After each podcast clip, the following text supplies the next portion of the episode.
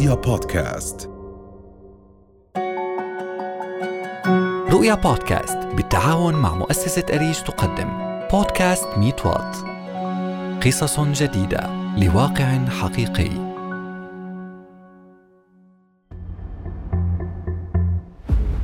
أنا بالأردن صار عندي صديقات ودكاترتي هاي الناس كلياتها يعني أنا كثير بشتاق لها ولابد إني يعني أرجع يواجه الطلاب السوريون المقيمون بالأردن مصيرا مجهولا. فحلم الالتحاق بالتعليم الجامعي أو بعد الجامعي تحول إلى كابوس يؤرقهم بعد تراجع عدد المنح الدراسية وانحسار التمويل الدولي المخصص للتعليم.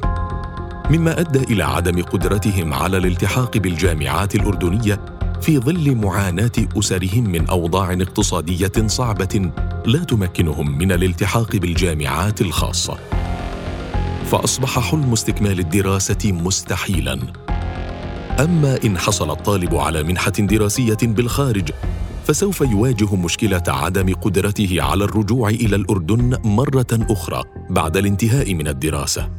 فعليه أن يختار إما العيش مع أهله أو الخروج لتحقيق الحلم ولكن بلا عودة. فكيف يرى الأردن اللاجئين السوريين الموجودين على الأراضي الأردنية؟ وما هو السند القانوني لعدم السماح لهم بالعودة إلى الأردن؟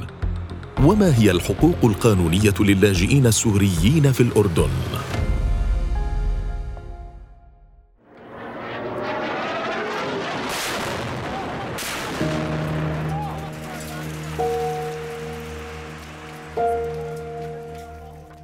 مع اندلاع الأزمة السورية أتت أنوار مع عائلتها إلى الأردن. واستطاعت استكمال دراستها حتى انتهت من المرحلة الجامعية. وبدافع الرغبة في استكمال تعليمها العالي تقدمت لطلب منحة دراسية إلى العديد من الدول. حتى وصلتها رسالة تبشرها بحصولها على منحة في إحدى الجامعات القطرية لاستكمال دراستها العليا. لم تكتمل فرحة أنوار بعد أن خيرتها وزارة الداخلية الأردنية بين المكوث في الأردن أو التوقيع على قبول الخروج إلى قطر لكن بلا عودة. وذلك رغم إقامتها في الأردن لسنوات طويلة. عشت في الأردن ثمان سنوات. أول شيء آه، في مخيم الزعتري وبعدها عشنا سنتين في المفرق وآخر شيء في أربد. كان إلي أقارب عماتي وإخوالي وأبناء عشيرتي كاملة موجودين في الأردن وكمان جيراننا اللي عشنا معهم في سوريا. حابة أرجع الأردن لأنه آه، أول شي أختي الصغيرة موجودة بإربد تدرس في الأردن عمرها 18 سنة آه، وأقاربي في المفرق.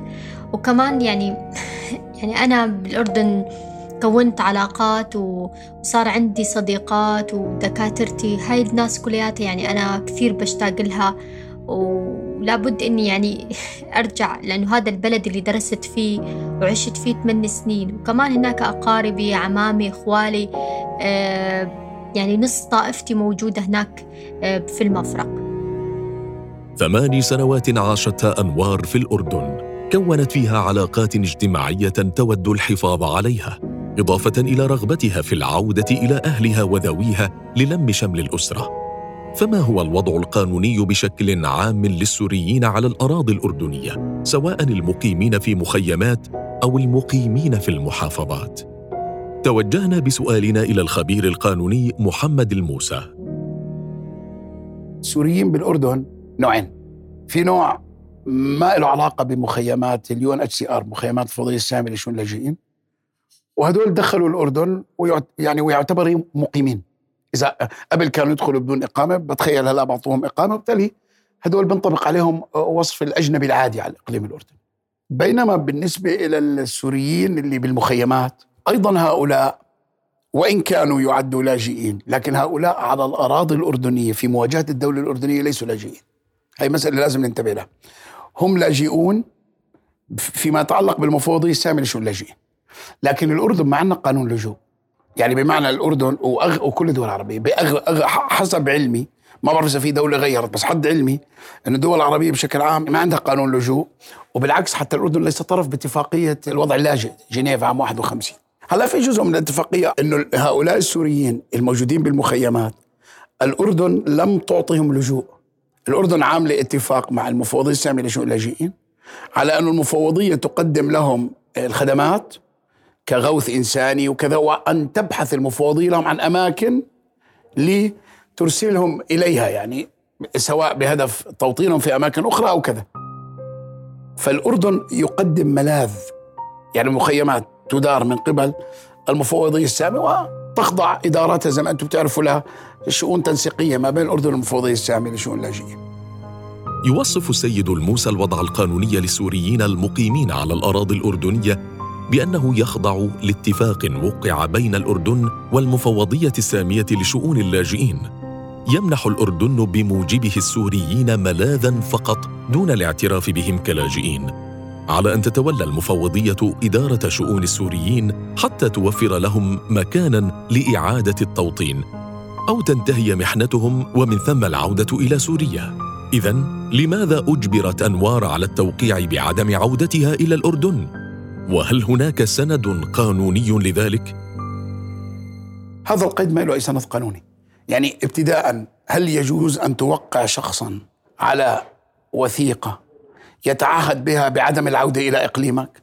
هذا كلام يعني من الناحية القانونية ما له منطق لازم أكثر من سبب. إنه الدولة إذا شخص في دواعي أمنية تستطيع أن تمنع دخوله ابتداء تمام؟ ولا يجوز أن تأتي بالمطلق وتطبق هذا المعيار على الجميع.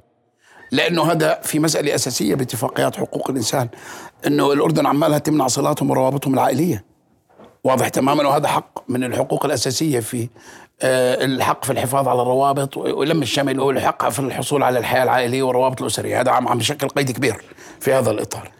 هي بهذه الحالة أيضا ربما تخالف تعهداتها في مواجهة المفوضيه الساميه لشؤون اللاجئين لأنه هذول برضه أعطتهم وضع قانوني المفوضيه، أعطتهم بطاقة تعريفية لهم أنتم موجودين في مخيم كذا في الإقليم الأردني بتتلقوا الخدمات الرعائية، فأنت أصلا عم تأثر على علاقته مع المفوضيه الساميه وعلى ما يتمتع له من حماية بوصفه لاجئ إنساني. يرى الموسى أن إجبار السوريين الذين يستطيعون السفر خارج الأردن على التوقيع بعدم العودة مرة أخرى يخالف اتفاقيات حقوق الإنسان ويعد تعسفا.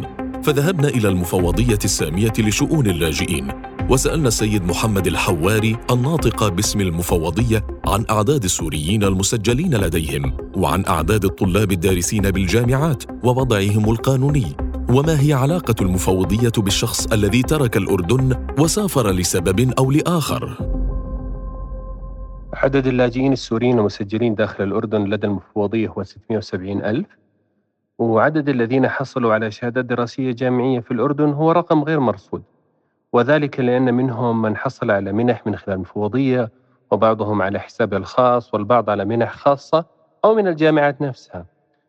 ولا نغفل أن هناك في سوريين داخل الأردن ليسوا بلاجئين وهم يقيمون في الأردن منذ سنوات من قبل الأزمة أو بعد الأزمة لكنهم لم يسجلوا في الأردن بالتالي كلمة سوري تشمل اللاجئ وغير اللاجئ داخل الأردن. صفة اللجوء أو طلب اللجوء فهي تذهب وتزال عندما يتمكن هذا اللاجئ من السفر أو العودة حيث أن اللجوء ليس للعمر هي ليست صفة دائمة للحياة إنما هي مرحلة ويتخطاها الكثيرون ويبدأ حياتهم بشكل أو بآخر. وبناء على ذلك المفوضية لا تستطيع أن تتبع أي منهم حينما يغادر الأردن حيث أنه لا يعتبر لاجئا حينها. وإذا أراد أنه يستمر في لجوءه في الدولة الأخرى اللي وصل لها بيقوم بتقديم طلب جديد وملف جديد في الدولة اللي وصلها ويلجأ لها. وفترة إقامتها الإضافية داخل الأردن تعتبر إقامة غير نظامية بالتالي يترتب عليها غرامات. في حال عدم دفعها عند السفر يكون هناك عواقب مختلفة منها منع العودة لفترة معينة أو فترة أطول علما بأن قرار السفر هذا هو اختيار للاجئ وليس بالإجبار. رغم أن قرار السفر اختياري وليس اجباريا فإن وزارة الداخلية الأردنية اشترطت على أنوار عدم العودة إلى الأردن. تواصلنا مع المنسق الحكومي لحقوق الإنسان في رئاسة الوزراء نذير العواملة لمنحه حق الرد. وعرضنا عليه القصة ففضل إرسال الأسئلة بكتاب رسمي للبريد الإلكتروني المخصص. ففعلنا إلا أننا لم نتلقى ردا منه حتى بث الحلقة. يستند الأردن في موقفه من أنوار إلى أنه لم يصادق على اتفاقية الأمم المتحدة لعام 1951 الخاصة بوضع اللاجئين أو على بروتوكول عام 1967 الملحق بها. وعليه فإن الأردن يعتبر أن السوريين الموجودين على أراضيه ضيوف وليسوا لاجئين لهم الحقوق المنصوص عليها في اتفاقية الأمم المتحدة. بما في ذلك ضمان حقهم في حرية الحركة والتنقل وذلك لضمان عودتهم في نهاية المطاف إلى سوريا. إلا أن هذه المقاربة لا تعفي الأردن من خطأ إجبار السوريين على عدم العودة إلى الأردن على أقل تقدير في الحالات التي ترغب في لم شمل الأسر مثل حالة أنوار. رؤيا بودكاست.